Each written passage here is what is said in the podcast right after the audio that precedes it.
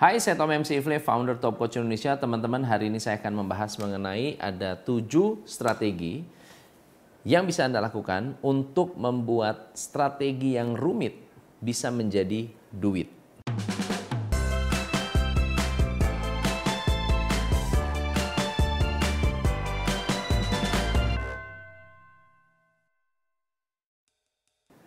Tahukah Anda rata-rata perusahaan hanya mampu merealisasi 63% dari rencana-rencana mereka. Ini menurut uh, Michael Mankins dan Richard Steele. Kenapa? Ada dua alasan penting yang terjadi. Yang pertama karena gagal merencanakan, yang kedua karena gagal melihat peluang. Tujuh hal ini akan membuat Anda mampu mendominasi pasar dengan sangat-sangat luar biasa. Yang pertama, simple is better.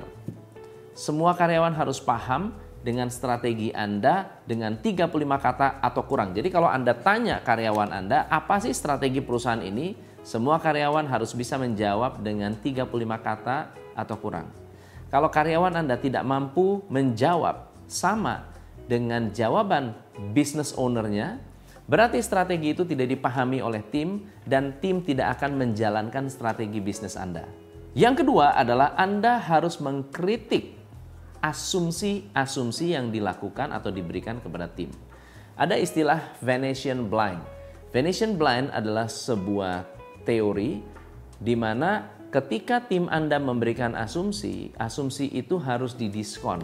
Karena kebanyakan kalau ada orang bikin target, misalnya saya mau target naik dua kali lipat dari sales, eh ternyata pencapaian cuma 10%. Pencapaian cuma 20%. Ini seperti blinds. Blinds itu uh, vertical blind ya, bisa tutup buka gitu loh. Jadi membentuk sebuah garis di mana pertumbuhan perusahaan-perusahaan yang menjanjikan 100%, 200%, 300% ternyata hanya mampu tumbuh misalnya 10%, 5%, bahkan 30%. Jadi target-target yang diciptakan ini harus ditantang dari mana mereka mendapatkan asumsi ini. Kalau misalnya bilang, oke okay, kita naik 30%, dari mana asumsi itu muncul? Saya mau target 100%, dari mana asumsi itu muncul? Jadi target dan proyeksi yang ditulis oleh karyawan Anda harus dicek dari mana sumber informasinya supaya tidak asal-asalan asumsi. Kenapa ini penting? Anda coba sekarang bayangkan, Anda minta yang namanya proyeksi penjualan dari orang sales.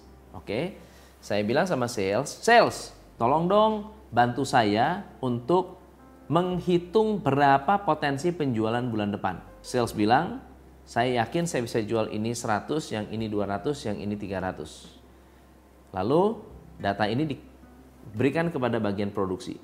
Bagian produksi akan bikin apa? 100, 200, 300. Tetapi Yakin nggak 100% akan terjual? Eh ternyata bulan depan yang terjual cuma 50, 100, 100. Berarti kita punya dead stock di tiga-tiga produk kita. Yang jadi masalah adalah dari mana sales berasumsi saya bakal jual 100, 200, dan 300. Kritik, tantang, pastikan Anda bisa memastikan asumsi itu tepat. Yang ketiga, satu bahasa, satu hati. Satu hati, satu bahasa. Gunakan bahasa yang sama, gunakan pengukuran yang sama, gunakan dan pahami kelemahan dan kelebihan pada konteks yang sama. Jadi contohnya begini. Ada orang yang mengatakan, "Waduh, Pak, bisnis kita kacau, Pak." Kenapa? Kita banyak customer-customer yang minta diskon. Apakah itu kelemahan? Atau kelebihan. Oke. Di tempat lain tidak minta diskon dan tidak mau beli. Jadi nawar pun enggak. Di tempat kita mau beli tapi mau nawar. Pertanyaannya itu kelebihan atau kelemahan? Anda perlu memutuskan. Ada yang bilang itu adalah kelebihan, ada yang bilang itu adalah kelemahan. Nah, Anda harus sepakat dulu nih dengan tim Anda. Satu hati, satu bahasa. Kalau itu adalah sebuah kelemahan, maka harus kita perbaiki. Kalau itu adalah sebuah kelebihan, maka kita harus optimalkan. Yang keempat adalah mengoptimalkan sumber daya manusia. Coba Anda perhatikan, Anda lihat, Anda tulis ya, semua nama-nama karyawan Anda. Lalu kemudian Anda beri tanda. Kalau Anda kehilangan orang-orang ini, apakah bisnis Anda akan tutup? Kalau Anda bilang iya, iya, iya, iya, iya, iya, oh tidak. Ini kalau kehilangan dia nggak ada masalah nih. Kalau kehilangan dia nggak ada masalah. Kalau kehilangan dia nggak ada masalah. Berarti yang Anda bilang ya, ya, ya, ya, ya, artinya kalau kehilangan dia akan tutup, Anda harus mengoptimalkan potensi mereka. Siapa orang-orang kunci yang harus mendukung Anda? Siapa orang-orang kunci yang akan menjalankan mesin bisnis Anda? Siapa yang akan menjalankan bisnis Anda dengan lebih serius? Dan Anda harus melakukan listing optimalisasi sumber daya. Apakah mobil Anda sudah maksimal dipakainya? Apakah semua tembok di perusahaan Anda sudah maksimal untuk promosi? Apakah semua baju karyawan sudah digunakan untuk promosi? Apakah Google sudah dimaksimalkan untuk promosi? Apakah Instagram sudah dimaksimalkan untuk promosi? Jadi semua sumber daya yang Anda tahu, Anda kenal, yang Anda lihat, yang Anda rasa dan Anda bisa gunakan pakai untuk berkembang, bertumbuh, dan sukses. Yang kelima adalah prioritaskan prioritas Anda.